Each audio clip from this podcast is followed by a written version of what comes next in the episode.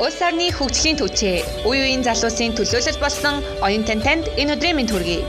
Бид хүндэт зочинтойгоо амжилттай суралцах, амьдрал, ажлын байранд хэрхэн өөрийгөө бэлтгэх талаар ярилцдаг лээ. Биднийг сонсож байгаад баярлалаа. Оюутан гэр бүл тавтай морил. Оюутан подкастын 13 дахь дугаар тавтай морил. Та бүхний амралт маш сайхан өнгөрч байгаа гэдэгт итгэлтэй байна. Амралтыг тань илүү өнгөлөг, үр бүтээлтэй өнгөрөх сэтэл өгөхөөр оюутан гэр бүлээс 11 өдрийн сорилт буюу чаленжийг эхлүүлээд байна. 11 өдрийн турш өдөр бүр өөртөө эсвэл бусдад эрг зүйлийг түгэх даалгаврыг биелүүлээд хаб инновацийн төвд 7 хоног өнгөрсөх эрхий эзэн болох боломжтой байгаа. 7 хоногийн эхлэлтэй давцаад өнөөдөр эхлэлийн өдөр байгаа. Даалгавруудаа нөхөж их боломжтой учраас эхлэлийн өдрөөрөө эхлэх боломжтой байгаа шүү. Энэ дугаарын хувьд бид Ганбаатар овогтой тэмүүлэн эрхмийг урьж маш сайхан яриаг өрнүүллээ. Тэрээр Be Your Own President буюу BYOP подкастын хөтлөгч бөгөөд Хонконгийн City их сургууль, Education их сургууль болон JET англи хэлний сургуульд ажиллаж байсан эрхэмлээ. Магадгүй энэ подкастын хамгийн гол мессеж нь өөрийгөө үнэл байлаа. Яагаад тийм хийсэн бэ гэдгийг нөхөө подкастаас сонсоорой. Энэ удаад гүнсэн хорол Санжанар тантай хамт байх болно. Бид эхлэхэд бэлэн харин та чихвчээ чагалаарай. 13 дугаар маань эхлэхэд бэлэн болоод байна. Өнөөдрийн өндөд зочин маань аа тэмүүлэн ах маань оролцож байна. За ингээд та сонсогчд маань өөрийгөө давчхан танилцуулж өгнө. За сайн бацгаа намайг Тэмүүлэн гэдэг би багш хүн байгаа англи хэлний багш хүн. 2016 онд Монгол Улсын сургуулийн олон улсын эдийн харилцааны universitet төсөөд аа одоогийн байдлаар Хонконгийн хоёр ихтэй сургуульд багшлсан туршлагатай. Дээрээс нь жит багшилж исэн туршлагатай юм байна. За та хувьдаа нөө Be Your Own President гэдэг подкастыг хөтлөж явуулдаг. Энэ подкастын тухай сонсогчд маань сонирхолтой. За тэгэхээр нэгсэндээ 3 жил бишээ 3 биш юм аа 5 6 жилийн өмнөөс би хууны хөгжлийн талаар айгүй сонирхож эхэлсэн. Аа тэгээд нэг оюутны аксет гэдэг байгууллаганд ажиллаж байхдаа айгүй хөгжлийн талаарх ихтгэлүүд, семинарууд өөрсдөө гишүүнтэй болон нийт тавьдаг гэсэн байна. Аа тэгээд бас төгснөөс хойш ингээд гадаад хотуудад ажиллаж сурч байхдаа ажиллаж байхдаа айгүй олон өөрийнхөө талаар юм ойлгосон, нийгмийн талаар, өөрийн хөгжлийн талаар юм ойлгосон. Тэр ойлгосон юм уу бусдад түгээх, бусдад ойлгуулах зорилготойгоор хийж байгаа. Гэхдээ тэгэхээр яагаад англи хэл дээр явагддаг вэ гэх юм бол Монголд англи хэлээр явуулдаг подкаст байдаг ховор байдаг. А тийм болохоор би өөрөө бас англи хэлээр ярих юм шиг юм бас англи бас өдөр болгон давтах нэг арга болж байгаа байна. Энэ жугаар. За манай сонсогч маань таны подкастыг сонирхыг сонирхвол яг ямар ямар платформыг дамжуулж олох боломжтой вэ? За iTunes, Podbean, тэгээд Castbox гэсэн гурван аппликейшн дээр BYOP гэд хайх юм бол гараад ирнэ. Аа SoundCloud дээр апплод хийх болсон яг гэх юм бол хугацаанд дүүрсэн. Тэгэхээр 2 цагаас илүү юм хийж болохгүй гэхэд тэгэхээр за тэгвэл ашиглахгүй хайцсан баг. Аа. За тэгээд Тэмүүлэн ахыг бүрээд бид нэр судалж байхдаа Тэмүүлэн ах маань саяхан 75 хоногийн чаленж гэдэг бүрдэд тавьсан байсан. Тэр чаленжийн тухай ярьж өгөөч тавчаа. Тэр 75 өдрийн чаленж нь юу вэ гэхээр нэгсэнтэй өөр өөрийнхөө эсрэг дайнд ялах зорилготой чаленж баггүй. Яг тийм бол би ч өөрөө угаасаа дандаа ингэж юмд бууж өгдөг, юмд хайхрамжгүй ханддаг айгуу тийм оюун ухаан, оюун бодлын хувьд айгуу сул дараа хүн байсан. Аа тэгээд тэр дайныхаа эсрэг ялах гэж оролдож байгаа би өөрөө өөртөө одоо ийм чаленж авахгүй чаленж тавьсан баггүй. Тэгээд одоогийн байдлаар бол уг нь 24 26 дахь өдөр дээр явах байсан. Гэхдээ 20 20 дахь өдөр дээр би нэг юм ухаарад би дандаа юм хагас дутуу хийд юм байна. Энэ чаленж хийхдээ хүртэл өдөрт 2 удаа 45 минутын дасгал хийх хэрэгтэй гэж хаад 45 минут биш 30 минутаар нь хийдэг ч юм уу 10 хуудас ном унших хэрэгтэй гэж хаад 8 хуудас уншаад ингээд барахдаг ч юм уу тийм Тэгээд өөрийнхөө талаар тиймэрхүү сул талуудыг ингэж баг багаар нь олж нээгээд тэрийг илрүүлээд тэрийг одоо засгаж орлож байгаа. Тэгээд сая 6 өдрийн өмнө эхний өдрөөс нь эхэлсэн байна. Буцаад бүр эхнийхээ өдрөөс эхэлж эхэлсэн гэсэн. Аа. Өдөр болгон яг юу юу хийх ёстой вэ? Ам за сайн миний хэлсэнчлэн хоёр дасгал хийх хэрэгтэй. Ам хоёулаа аль аль нь 45 минут байх хэрэгтэй. Нэг нь заавалчгүй гадаа байх хэрэгтэй. Ам тэгээ тэрийг бол би өглөө бишт босоод гүйж байгаа хгүй 45 минутын турш гүүн алхам те хойлоо. Бол тасалдгүй хөл гэж байна. Нөгөөд нь болохоор ам 10 хоц хувийн хөгжлийн талаар эсвэл entrepreneur эсвэл бизнесийн талаарх ном унших. Өөрийнхөө нэг зураг авах. Тийм тийм тэгэнгүүтээ 3.5 литр ус уух аа тэгээд хамгийн сүүлийнх нь болохоор аа дайетанд явах. Тэгээд тэр дайетанда ерөөсө чит хийхгүй аа би өөртөө болохоор сахар ашиглах уу? Тэгээд баг гурилан бүтээгдэхүүн ашиглах гэсэн тийм дайет тавьсан байгаа. Тэгэхгүй талах айгүй хэрэгтэй. Гэхдээ одоо гоймонтой шүлмэл хийнгүүт би юус идэхгүй. Талахтай өндөгтэй талмал. Тийм. Айгу сонирхолтой юм байна. Э сонсогч нар магадгүй хэрэгжүүлэхийг хүсэж байвал а хэд дугаар дээр лээ энэ чаленжийнхаа тухай би хэд дугаараа сонирхоо. Гэхдээ би одоогийн байдлаар нэг 10хан л дугаар хийсэн байгаа. Тэгэхээр тэр дундаас уусаа BYOP гэнгүүтээ 75 hard 75 hard гэж юм уусах гараад ирнэ. Аа англиар байгаа та нар сонирхол үзээрэй. Миний бодлоор бол энийг эхлүүлчихвэл бас өөрийнхөө нэг сул талаа сул талаа аягүй сайн илрүүлт юм байлээ. Одоо жишээлх юм бол зарим хүмүүс ингэ нэг тийм жижигэн жижигэн деталь анхаардаггүй гэдгийг ойлгодог ч юм те.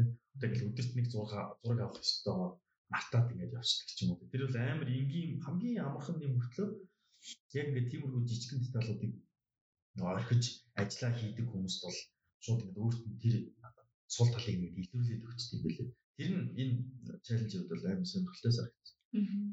зураг авдаг нь өөрчлөлтөө мэдхийн тулд мотивац болох талаас нь тийм. Би би бол тэр болгоно зураг болгоно бас постлог байдаггүй тийм. Тэгэхгүй санаа зовж шүү дээ.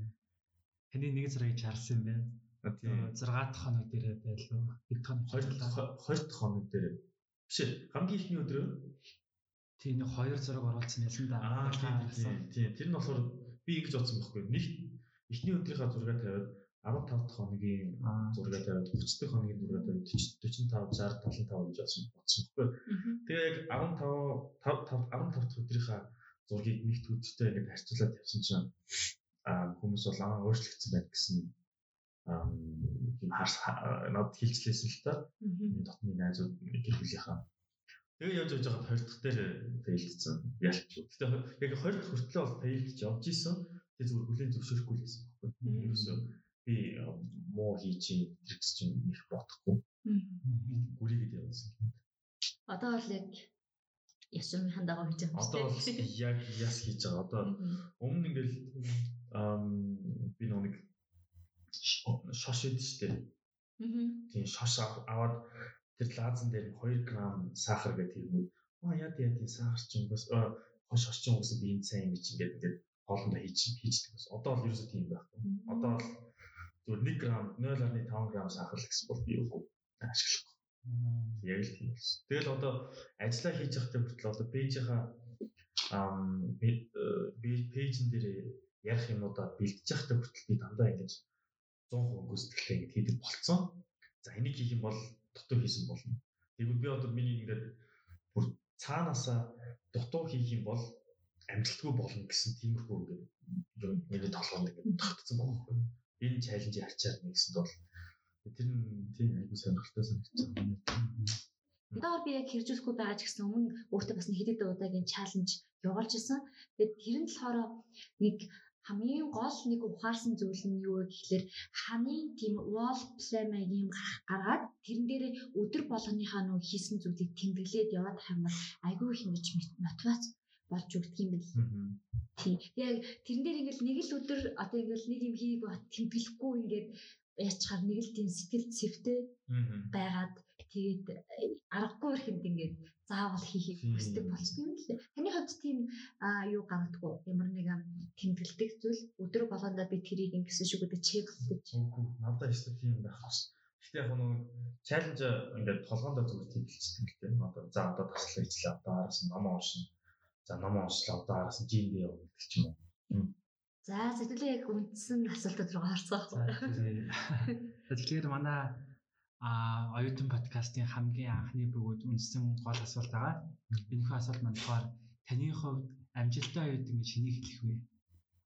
За миний хувьд амжилттай оюутан хин хэлэх вэ гэх бол яг оюутан байх хугацаанд хэрэгтэй мэдлэг туршлага чадруудыг хоригдолж авсан оюутныг хэлэх хэлнэ гэж би бодож байна. Аа яг гэх юм бол төгсөөд оюутнууд бол ямар өөрийнхөө мэрэгчлэрээ ч юм уу эсвэл мэрэгчлэр биш ч юм уу те нэг ажилд ингээл яаж байгаа л орно угаасаа хэрэгтэй болохоор эсвэл бизнес эрхлэгдсэн эрхэлдэг ч юм уу.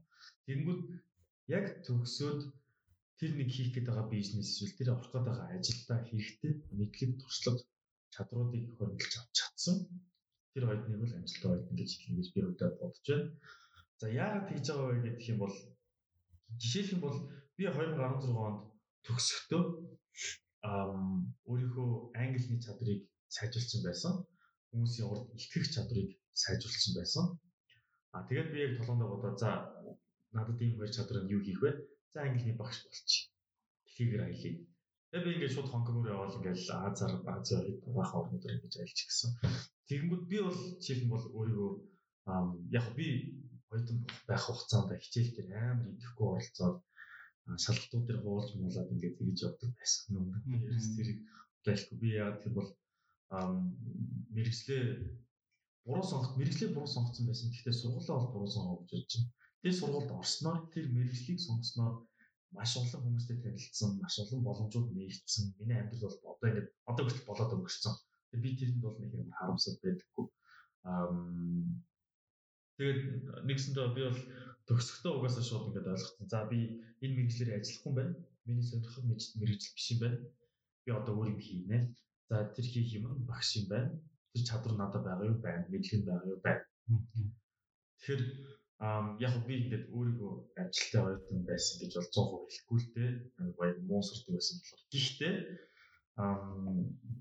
та нар өөрсдөө одоо ингээд бүр нэгдүгээр курсээс ахуулаад те нийгмийн ажил хийдэг ч юм уу сайн дүр ажил хийдэг ч юм айгүй олон тиймэрхүү нэг байгууллага гараад ирсэн шүү дээ. Ингээд өөрсдийн чинь ажлын байран дээр ингэж оролцож байгаа хөгжүүлэх тэр тэр юмнуудыг ингээд хийж үзэх хэрэгтэй чадвар мэдлэг хоригдлог хоригдлох хэрэгтэй гэж би бодож байна. За яг энэ асуулттай холбогдоод нэг асуултыг асуух хүслээ тэрний юу вэ гэхээр оюутнууд төгсөөсөө өмнө мэдэж авах дөрвөн зүйл чухал дөрвөн зүйл юу юм болоо таны хувьд? За оюутан болгоны мэдэх ёстой дөрвөн зүйл юу гэх юм бол за яг энэ дөрвөн зүйлийг би өөрөө бодож байгаад сүүлийн хэдэн жилийн турш ингээд гадагшаа аялаад Монгол төрч нэг аялаад тэгээ буцаад гадагшаа аялаад тэгж ажиллаад тий нэгсэндээ гадаадын зах зээл ямар хөө юм бэ? Монголын зах зээл ямар хөө юм бэ? Ажлын хүч нь ямар хөө ялгаатай юм бэ юм байна гэсэн энэ харьцуултыг хийсний үндсэн дээр гаргасан юм дөрвөн зүйл байна. За тэрний хамгийн ихний өмнө юу гэх юм бол Монголд маш олон ажлын байр байгаа гэдгийг оюутан залуучууд ялангуяа маш сайн ойлгох хэрэгтэй. Яагаад гэх юм бол нэг маш олон тийм нөө стартап компаниуд байгууллагууд нэг нэгээр ингэж үүсгэн байгуулагдаад гаднаас гадны хөрөнгө оруулалттай компаниуд ингэж орж ирэх бүр ингэж бараг өдөр болгон сахуу орж ирж байгаа тийм. А тэгэнгүүт гол асуудал нь юунд дээр байгаа вэ гэхээр тэр ажилд орох олигтой чадварлаг мэдлэгтэй ажлын хүчин ерөөсөй байхгүй. гэдэг нь асуудал байгаа байхгүй. Яг гэх юм бол за ингээд бизнесийн ингээд маркетинг менежерээр ингээд нэг хүн ажил амаар ингээд тэгэнгүүт 100 хүн apply 100 хүн applied-лаа тий маркетинг менежер. Тэр хүмүүс бол тэр дунд нь яг маркетинг менежер ч юм уу маркетинг чиглэлээр сурж исэн, ажиллаж исэн маш олон хүмүүс. Тэгмэд яг тэр 100 хүнээс нэг хүнийг сонгох тийм үү. Тэгээд тэр нэг хүн тэр 100 хүнээсээ хамгийн чадварлаг нь байгаа болоод сонгогдсон. Гэхдээ тэр нь магадгүй тэр компани хайж исэн тэр нэг хүн байхгүй ч бол тэр компани ингээд өөрөө За энэ 100 хүнээс уг нь алийг замааргүй байна. За за хамгийн чадварлыг нь авъя. Яг гэх юм бол манад угаасаа маркетинг менежер хэрэгтэй байгаа учраас гэдэг ч юм уу. За энэ яг бас бүх ажлын байранд ийм байдаг гэж хэлтгээгүй. Аа гэхдээ энийг оюутан залуучуудад ашиглах хэрэгтэй гэж би хэлдэг байгаа байхгүй юу. Аа нэгсэндээ яаж тэр 100 хүн дундаас хамгийн чадварлаг нь хамгийн ихтэй хамгийн боловсон хүч нь байх вэ гэдэг асуултыг та нар өөрөөсөө ингээд асуух хэрэгтэй байхгүй. Та нар одоо өөрөө ямар мэрэгчлэр одоо жишээлбэл би багш мэрэгчлээ хүн гэдэг тэгэнгүүт би хааж очсон тэр компани юм уу сургуульч юм уу те намайг авахыг хүснэ гэдгийг би бол өөртөө 100% итгэлтэйгээр хэлж чаддаг. Яг тийм бол би гадаад ажиллаж исэн туршлагатай гадаадын одоо дэлхийн 49 жагсдаг их сургууль би IELTS-ийн багшаар оюутнуудад мэдээж заажсэн. Тэгээ би өөрөө нийгмийн идэвхтэй хүмүүстэй харилцах чадвартай эрүүл чирэг амьдралтай тий зуршлууд миний зуршлууд бол бүгд аюул сайн. Тэгэнгүүт би бол ерөөс ямар ч компанид бол ямар ч сургуульд бол ялангуяа авахд бол аюул үнэтэй гэж өөрийгөө үнэлдэг.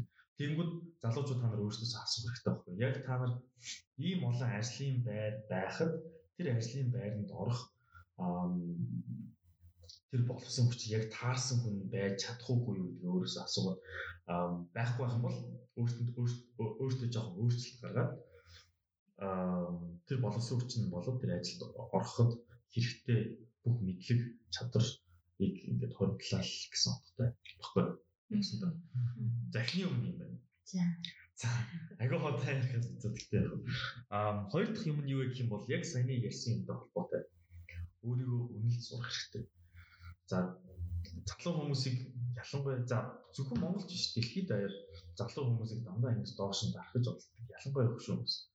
Өө чи залуу байна миний дүү саяар цалинд орчих саяын цалинд ажиллаж орчих 500 мянган цалинтай ажиллаж орчих чи дөнгөж төгссөн юм байж юунд мөнгөд ингэж их сураад байгаа тий чи туршлага авах гэж оролдсон гэдэг ч юм уу тиймэрхүү байдлаар залуучуудыг аягүй хүмүүс доош нь дардаг Тэгэд нэг асуудал нь энэ донд бас гарч байгаа нэг асуудал болохоор залуучууд өөрсдийгөө үнэлж чадахгүйгээс үнэлж мэддгүйгээс болоод тэр хүмүүсийн үгэнд ингэж автаж өөрийгөө доош нь хийгээд тэр цалингийн ингээд хүлээж аваад ажилд нь ордог гэдэг чинь. Аа яг би яагаад ингэж хэлээд байгаа юм бол би өөрөө бас яг энэ асуудал тулгарч ирсэн. Намайг одоо жишээлх юм бол би ингээд хуугийн хүслийн талаар би дөнгөж 23 таахгүй.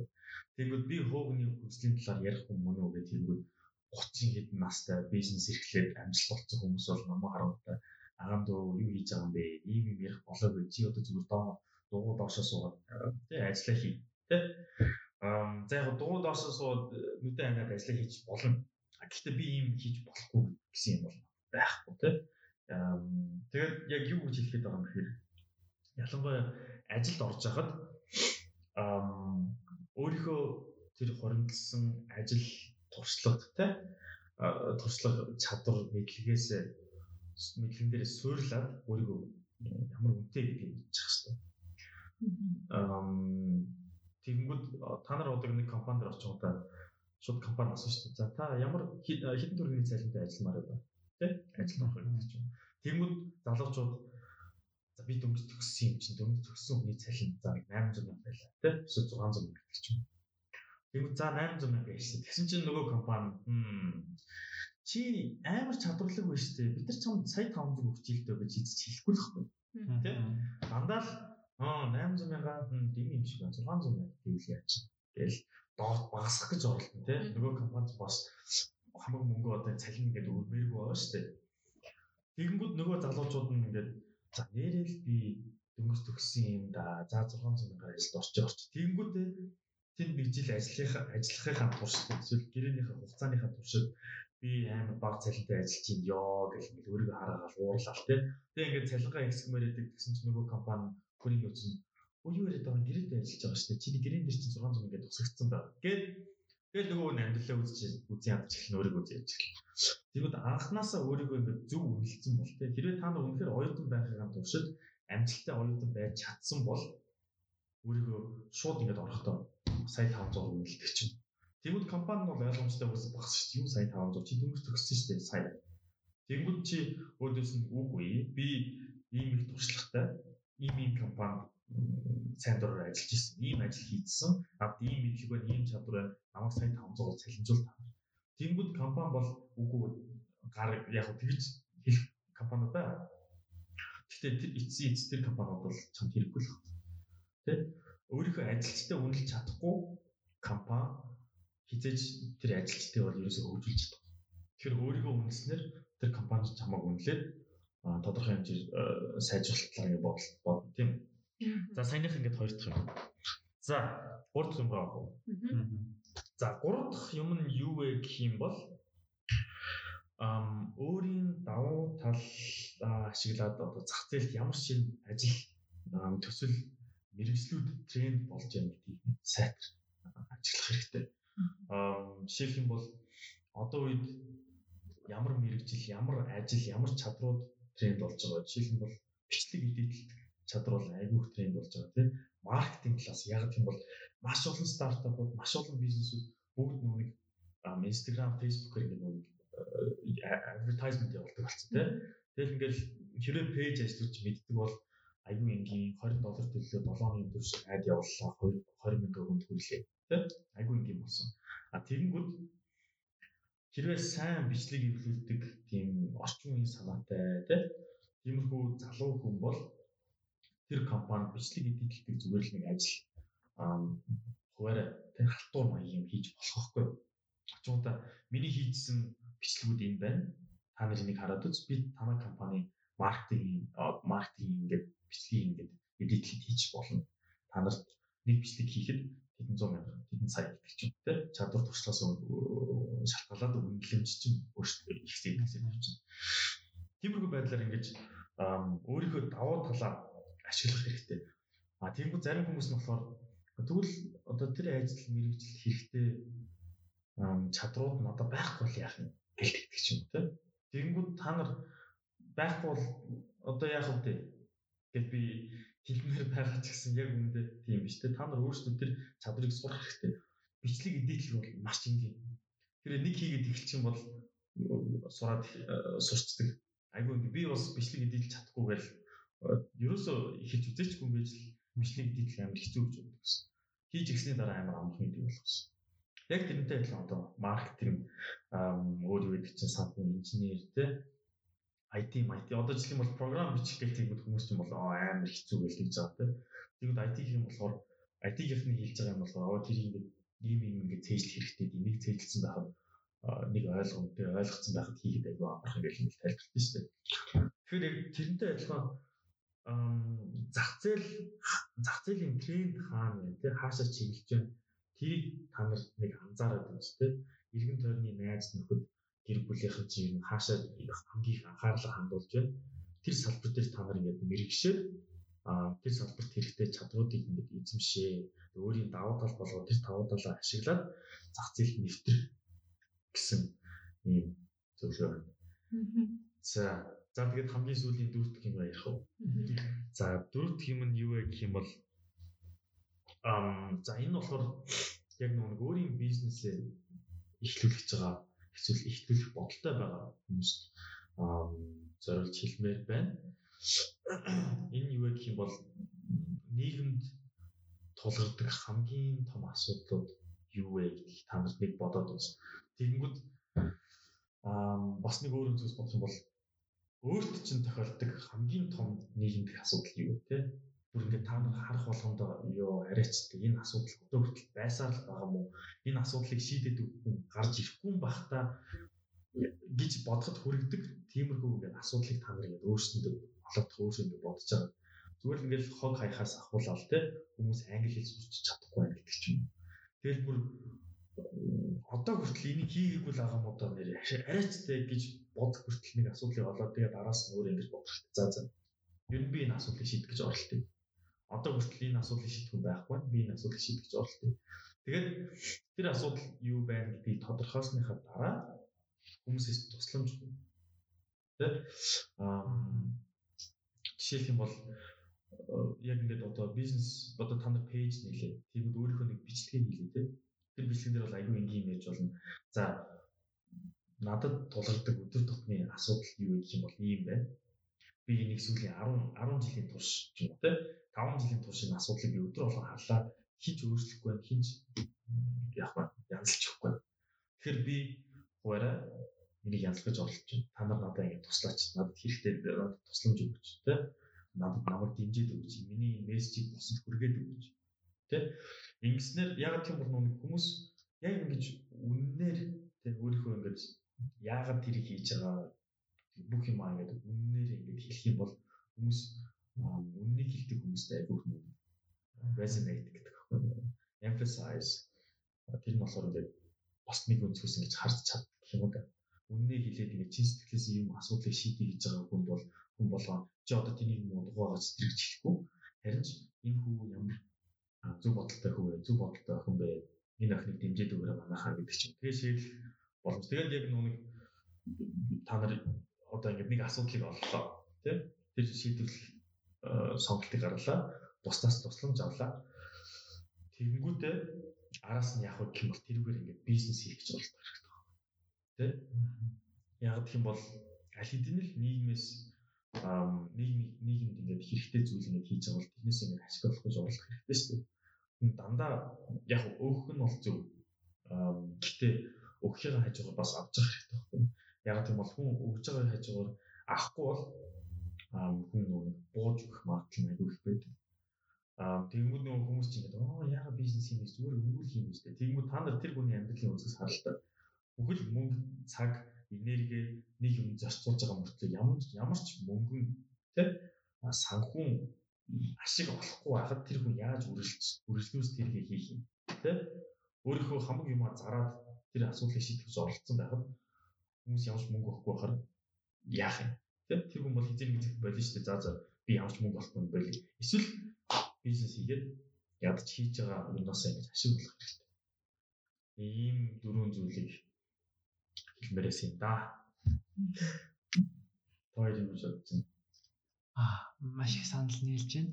Тэгээд би эндээс сайн нэг зүйлийг бас нэмж асуумаар санагдлаа өнөөдөр яг Монгол хүн болгоод англи хэл сурахыг хүсэж байгаа. Та өөрөө бас англи нөөш. Тэгээд таны бас нэг постыг уншиж хаад билүүдээ.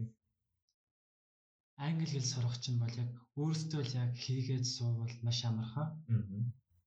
Тэгээд аа тэгсэн тэгсэн мөртлөөсөө бид нар яг яадаг вэ гэхээр а арга барил нь буруу байна эсвэл ингээд сургалт амжаанд яваач ингээд хөгжихгүй байна.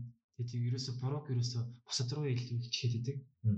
Гэхдээ яг харж байгаа болохоор яг өөрөө ямар сургалтанд яваагүй байжаад мундаг англитай болоод гадаад сураад явж байгаа хүмүүс бас зүйн шүү дээ. Таны хувьд яг англи хэл яаж сурч ирсэн те хүүхдүүдэд зөвлөе гэвэл яаж англи хэл сурвал зүгээр болоо. Би би яг өөрийгөө айгуу тийм тусгай гэж боддог. Яг тийм би нөгөө багаас бүрийн сургалт сураад явцсан. Хоббиг хүн болго мэдэх. Би хобби сурсан байхгүй. Нэгээс нь сургаа хүртэл. Аа тэгээ тэрэндээ бол би аавч айгуух байлаа аа тэрний хацаар одоо хүртэл хийж явж байна. Тэгээд хүмүүс намайг надаас ингэ англи яаж сурах гэж асуух. Би ерөөсөө эхэндээ одоо л яг яаж юу гэж хэлэх вэ? Одоо энэ нэг сайн хариулттай болсон. Аа өмнө нь болохоор бүр юу гэж мэдэхгүй. Би ч өөрөө нэг багасаа англи хэлийг ингээд нэг тусдаа нэг чадвар гэхээс илүү зүгээр л миний өдөр тутмын юм байсан байхгүй. Хичээлдээ ирлээ англи хэлээр ярьлаа. Орой ирлээ зурагт үзэж англи дээр зурагт үзлээ. Англи дээр ном уншлаа манай ихч хамаатны ихчүүдийг хамаатны ихчтэй англиар ярьлаа. Яг л яг л тэгж өгдөөс. Тэгмэд хүмүүс нөө нэг яг тэгэж өсөөгөө надаас ингэж асуудаг байхгүй. Би ингэж англиар яаж сайжруулах вэ? Яаж сурах вэ? Би ингэж ихэнтэй ингэж аа тэг би юу гэж ном уншиж гэж хэлэнгүүт хүмүүс ном уншаад ойлгохгүй яах вэ гэдэг юм би аа гэлтэй. Тэгээ одоо болохоор юу зөвлөх вэ гэх юм бол зүгээр л та нар нэг англи хэл чинь хүмүүс шатааралтай шүү дээ. Та нар монгол хэл заахаар бол яаж заах вэ? Тэгээд бодоод үзэхгүй. Тэгмүүд яг тэр хэмжээгээр хэрэг бүр дөнгөж англи сурч байгаа хүмүүс байл те. Яг тэгж одоо монгол хэл гадаад хүн заахаар бол юу гэж заах вэ? Яг тэрүүгээр англи хэлээ сураад эхэлдэг те. Дөрмөдөө үзчих хэл өгнүүдээ цээжл. Тэгвэл хүмүүс нөгөө нэг айгүй амар арга үзээд өгдөг. Би жишээлх юм бол одоо нэг онлайн сургалт явуулах гэж байгаа. Тэрэн дээр би бүр өөрийнхөө дүрм сурах хамгийн хялбар аргаа бичдэг болоод хүмүүст хүрэх хөхгүй. Гэхдээ тэрнээс биш дөрөн би бүр хялбар бүр ингээл нэг дээр нэг нэг тэнцүү хоёр гэдэг шиг хялбар болгосон ч гэсэн хүмүүс ойлгохгүй, сурахгүй угаасаа ойлгомжтой. Яагаад гэх юм бол хүмүүс өөрсдөө давтдаг учраас. Тэгээд давтах нь хамгийн чухал. Одоо ингээл би бүр тэр present continuous тэ тэр мэрийг хитэн хүнд хитэн 100 хүнд мянган хүнд хитэн удаа тайлбарснаа би бол тэр мэдгүй. Одоо одоо хүртэл. Тэгтээ хамгийн гол нь тэр дундаас 90% нь 95% нь одоо хүртэл continuous юу вэ гэдэг тийм мэдгүй сууцлаа. Миний заасан тэр хүмүүс дундаас. Ягаад гэх юм бол багшаас эцээ эц багш нь заагаад заагаад оюутанд ойлгохгүй гэх юм бол за нэг бол багш нь бүр амар бүр үнэхээр муу зааж чинь тий. Эсвэл сурагч нь өөрөө давтахгүй байна л гэсэн. Багш болсон хүмүүс туршлагаараа угаасаа багшлж сурдаг байхгүй. Бүр тэр 50 хүрсэн чамайг зодож байгаа багш нар хүртэл сайн багшлж чадна. Чамаас илүү багшлаа. Тийг бол аа тэгэнгүүт тэр бүр тэгж багшлж байгаа хүнээс сурч чадахгүй бол та өөрсөндөө л буруу хэлдэг хэрэгтэй. Бус руу битгий буруу тань тий багш багшаага битгий буруу. Аа аав ээжтэй намайг баг байхад яагаад хобби руу явуулаагүй юм бэ гэж битгий уурал. Зүгээр л одоо ямар төвшөнд байгаа вэ? Дээр шалтгаалаад яаж би сайжирч болох вэ? Тэ? Тэгээд тэр сайжрахын тулд тэр хөдөлмөрлөлтөө тэгээ хөдөлмөрлөх гэдэг зүйлийг ерөөсөө монголчууд бас монголчууд гэдэг хань ч юм одоо хүмүүс тэ ерөөс тэр хөдөлмөрлөхийн өвгөн зэрэг мэдгүй. Энэ амжилттай баян яваад байгаа хүн болгол хөдөлмөрлөж ирсэн. Тийм. Яг үнэндээ энэ гадуур ингээл гой гой машин тий ёо бүр ингээл харангууд энэ машинтай болох юмсан гэж боддог машин маш олон байна. Тэгвэл тэр машиныг унсан хүн болгон угсаа хөдөлмөрсөн байна. 100%. Тэгээд та нар өө энэ нөгөө улс төрийн гишүүний хүүхд тий тэгээд тэр гишүүн тэгвэл хэрэг ажилласан та нар бодолтой. Тэр гишүүн яг уу муу гишүүн байж болно. Гэтэл амар их ажилласан л байна цаана хөдөлмөрлөх тэр хөдөлмөрлөх хөдөлмөрлөх явц нь маш удаан, маш хэцүү, маш олон цаад бэрхшээл тэ зам байна. Тэр замыг туулсан гэж та нар бодоод үзлээ. Тийм л. Тэгээд хоёр дахь зүйл дээр бас нэг зүйл санаанд орлоо. Одоо өөрийгөө үнэл гэж хэлсэн шүү дээ тийм. Тэрэн дээр аа за яг компани нэрийг мэдгүй нэг болор эрдэнэ гэдэг нэг Оксфордын төгс төрсөн нэг хүн байдгийг. Тэгээ тэр хүнтэй уулзж байхад яг юу гэж ярьсан бэ гэхлээр би өөрийгөө маш өндрөөр одоо төгсөхдөө өөрийгөө маш ингээд өндрөөр үнэлж чадсан. Тэр нь юутай холбоотой байсан бэ гэхлээр аа би айгүй тийм санаа шатай байсан. Жишээлх юм бол дипломын ажлаа а одоо Азийн хөгжлийн банкын хийдэг судалгаатай дүүс цус хэмжээр хийгээд дээрэс нь англи хэл дээр бичээд Тэгээд би орхож байгаа ингээд ажил дээр тэрийг бариад очингууд ингээд шал ингээд өөрөөсөө гэж ингэж ярьж байсан. Шал өөрөөсөн гэдэг нь аа одоо яг хүлээж авах маяг нь одоо арай хоёр тий одоо шинэ хажуудалд нэг аа илүү ингээд олон жил ажилласан турштай хүн байлаа гэхэд нам миний одоо ингээд хичээж хичээл зүтгэл маань ингээд намайг ингэж ялгаруулж өгсөн гэж тэгж хэлж ирсэн. Үнэ шүү дээ. Одоо жишээлх юм бол бодолтой та нар нэг компанид байлаа гэж бодъё. Ямар нэг бүтээгдэхүүн зардаг, ямар нэг үйлчлэгээ болгодог тийм. Тэгвэл тэр компанид 45 настай 20 наснаас ахуулаад 25 жилийн туршлагатай хүнийг авах уу? Эсвэл 22 настай дөрмөс төгссөн маш их амбицтай, үнэхээр сурыг, үнэхээр юм хий гэсэн зорилготой тийм хүнийг авах уу? Бодож үзэлтэй.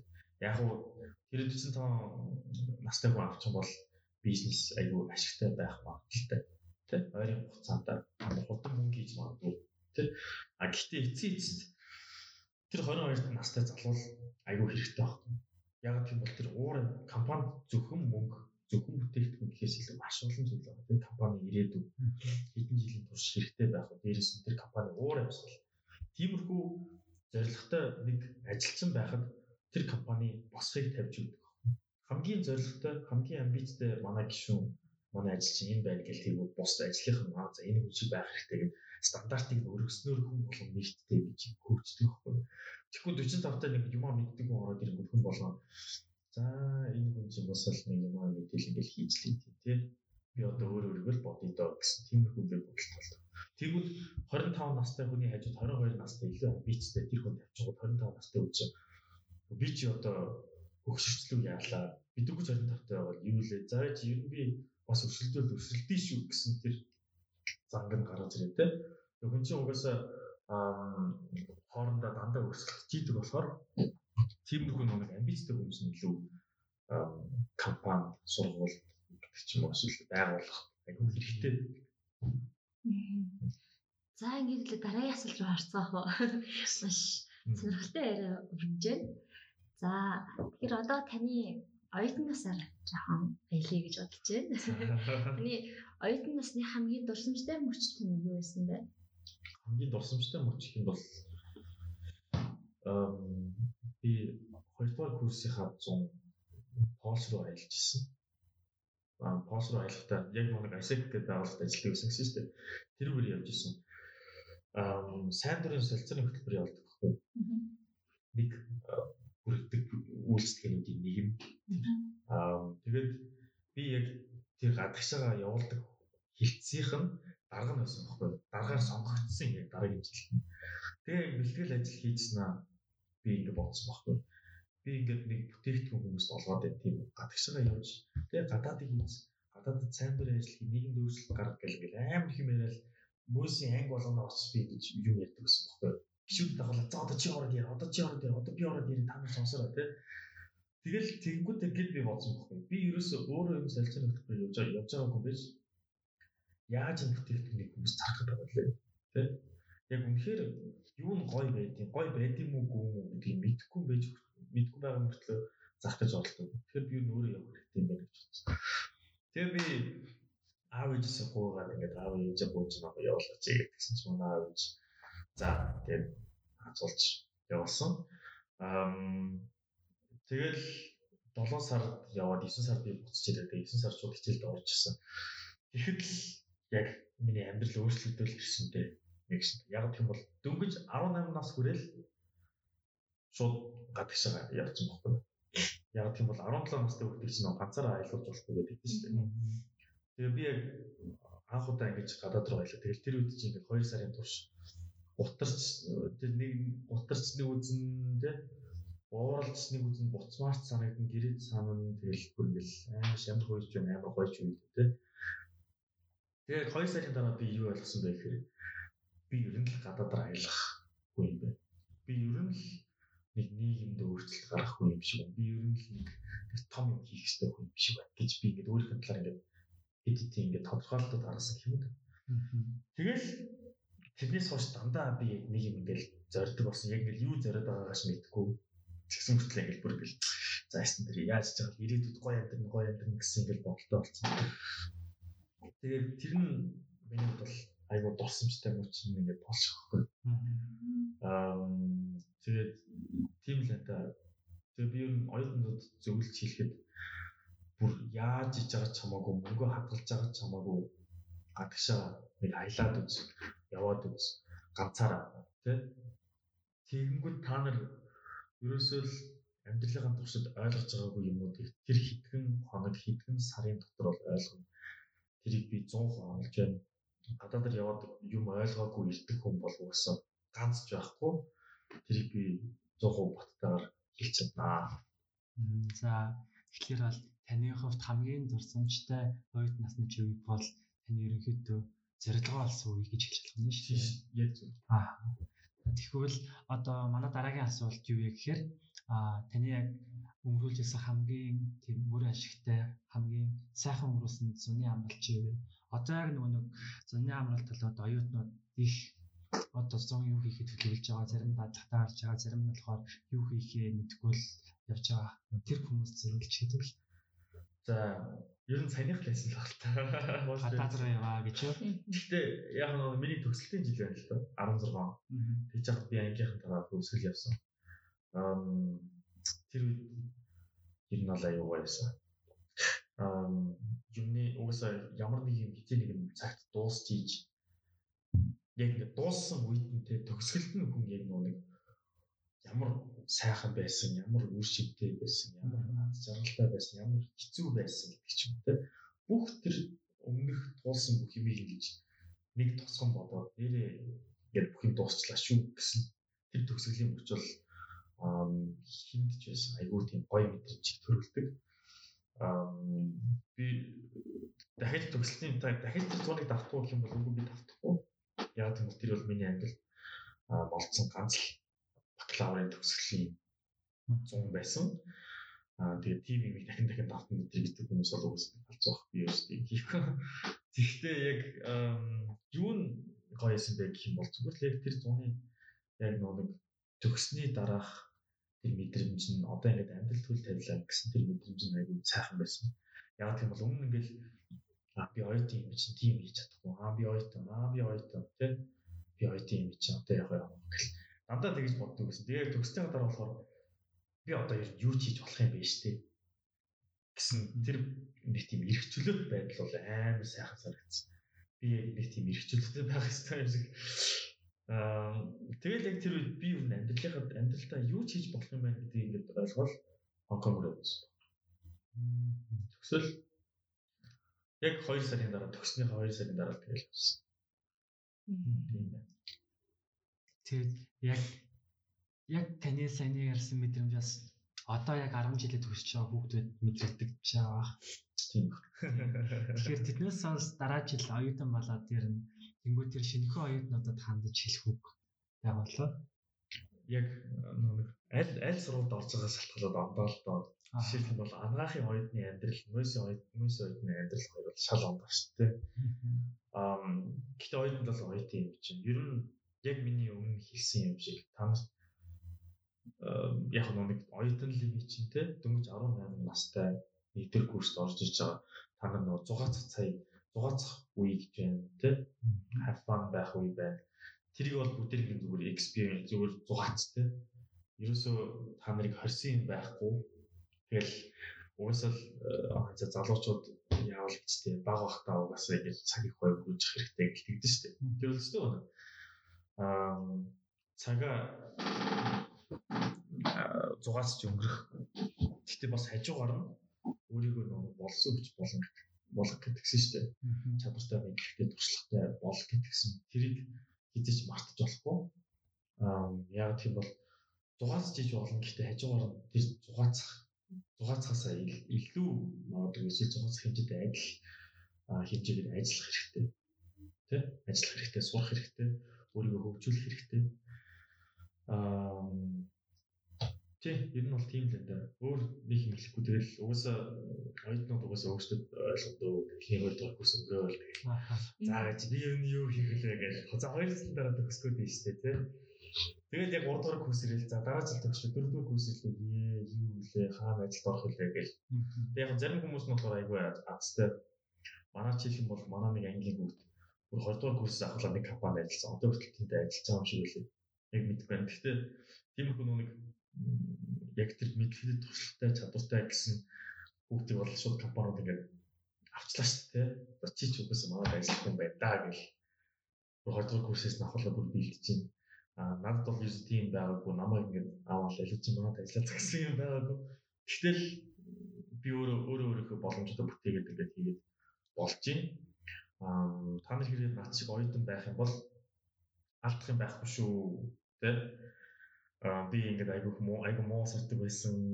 F-ч авч үзсэн. Миний дипломд дими байгаа. Эсвэл миний 33-ны 3.2 шүү. Аа дундаж байх бол айгүй ингийн. Тэ?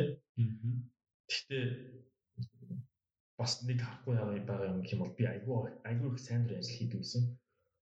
Сүүлийн 2 жилийн туршид би сайн дурын ажилдаа бүх цаг зав зарцуулаад хичээлээ ерөөсөө хийдэггүй байсан. Тэрнээсээ би бусдад харилцах чадвар, бусдын өмнө ихтгэл тавих чадвар, цагийн менежмент юм, бүтээгдэхүүн менежмент те багийн ажиллагаа, баг удирдах, манлайлал бүр байгууллагыг тэр чигт нь удирдах, байгууллагын зорилгыг тодорхойлох, байгууллагыг эх 5 жилд яаж хөгжүүлэх үү гэсэн тэр үе шатлалуудыг ингэж гаргах тиймэрхүү юмнуудыг би хийж ирсэн шүү. Тэ? Би зүгээр л нэг залхуу нэг муу сурдаг оюутан байгаагүй. Би хажуугаар нь маш хийдэг байсан. Тэрүүгээр би маш их туршлага авч хөгжсөн. Тэгэхээр та нар тэр хэмжээгээр хэрэв муу сурах юм бол тэрийг орлох хэмжээний их ажлыг хийгээрэй те туршлага гэж хэлдэг. За ингээд манай подкастын хамгийн сүүлийн асуулт ирж байна. Аа хэрвээ та Монголын бүх оюутны өмнө гараад бэлтгэх боломж олдвол тэрхүү өндөр дээр юу хэлэх вэ? Урт юм хэлэх юм уу, богино юм хэлэх юм бэ? Мм өөрөө дураа дураараа. Бүх оюутнуудын урд гэсэн үү? Тийм, Монголд улсад байгаа болж байна. Нэг газар цуглаа гэж бодъё л та. Тэгээд тэрний өмнө гараад үг хэлэх боломж олдлоо.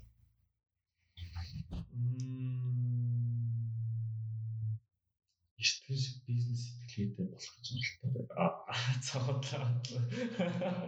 Энийг амар тийм сериусны юм хэлээд юм яг уу ам надад бол нэг хэлэх юм байхгүй яг би өөр юм гэсэн бизнесгүй би бизнес дэсэн бол тэгж хэлэх бол айгүй утгатай. Тэгэхээр өөр юм гэсэн бизнесгүй бизнес эхлүүлэх гэж явж байгаа. Аа гэхдээ миний юм хэлэх юм гэх юм бол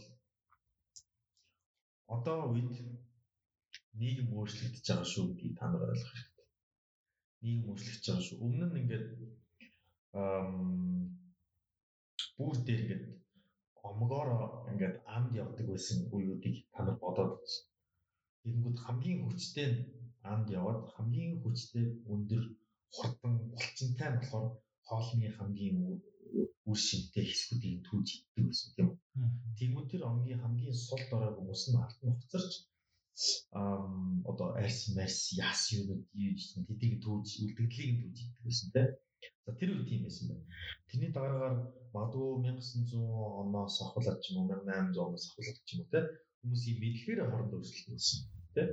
Аа шин шин бүтээлүүд гарах тусам шин эрдэмтэд бий болох тусам эрдэмтэд хоорондоо ингэж өрсөлдөж хүмүүсийн мэдлэг айгүй үнэлэгдэж эхэлсэн те. За хин мэдлэгтэй вэ? Хин энэ бодлогыг бодож чадах бай. Хин илүү сайн онгоц хийж чадах бай гэдэг ч юм уу те. Айгүйх мэдлэг дээр зүйлсэн өрсөлдөөн явдаг гэсэн.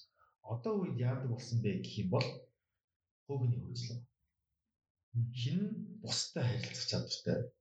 Хин өөртөө хамгийн ихтэй вэ?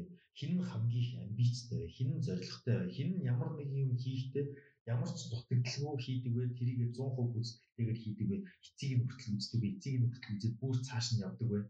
Хин тэгж чадах вэ гэсэн өрсөлдөөн гарч ирж байгаа. Тэгэхээр мэдлэгтэй байх нь хэрэггүй гэж хэлж байгаа юм биш. Мэдлэгтэй байх хүн болгон мэдлэгтэй болсон.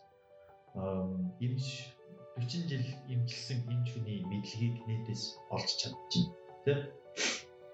Аа я машин машинууд бүр 20 жилийн өмнө хийгдсэн машинуудын бүр дөнгөж 5 жилийн өмнө хийгдсэн машинуудын эд ангийг нь бүх юмыг нь үзнэтээс тэрийг бодлоо яаж яаж юм гэмтэй зүгээр бичлэг үзээд машиныг бичнийг нь салгаж бичиж нийлж чад юм бичлэг битэл гарч ирж шин.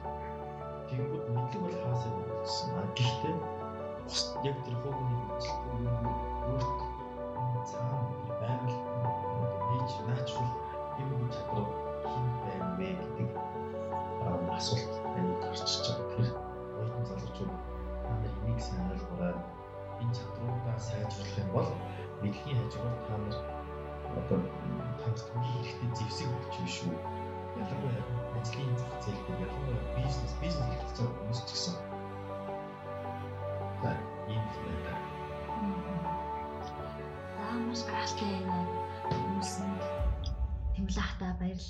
Таны цаашдын ажил амжилт өрөөс нь амжилт өгсөй. Баярлалаа.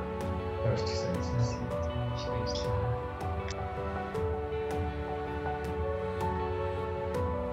Ийхүү манай оюутан подкастын 13 дахь дугаар энэ хүрээд өндөрлөж байна. Амжилтанд хүрэх гол түлхүүр бол бэлэн болохоос өмнө эхлэх хэмээн Америкийн алдарт амьдралын дасгалжуулагч Мария Порлио өгүүлж байжээ.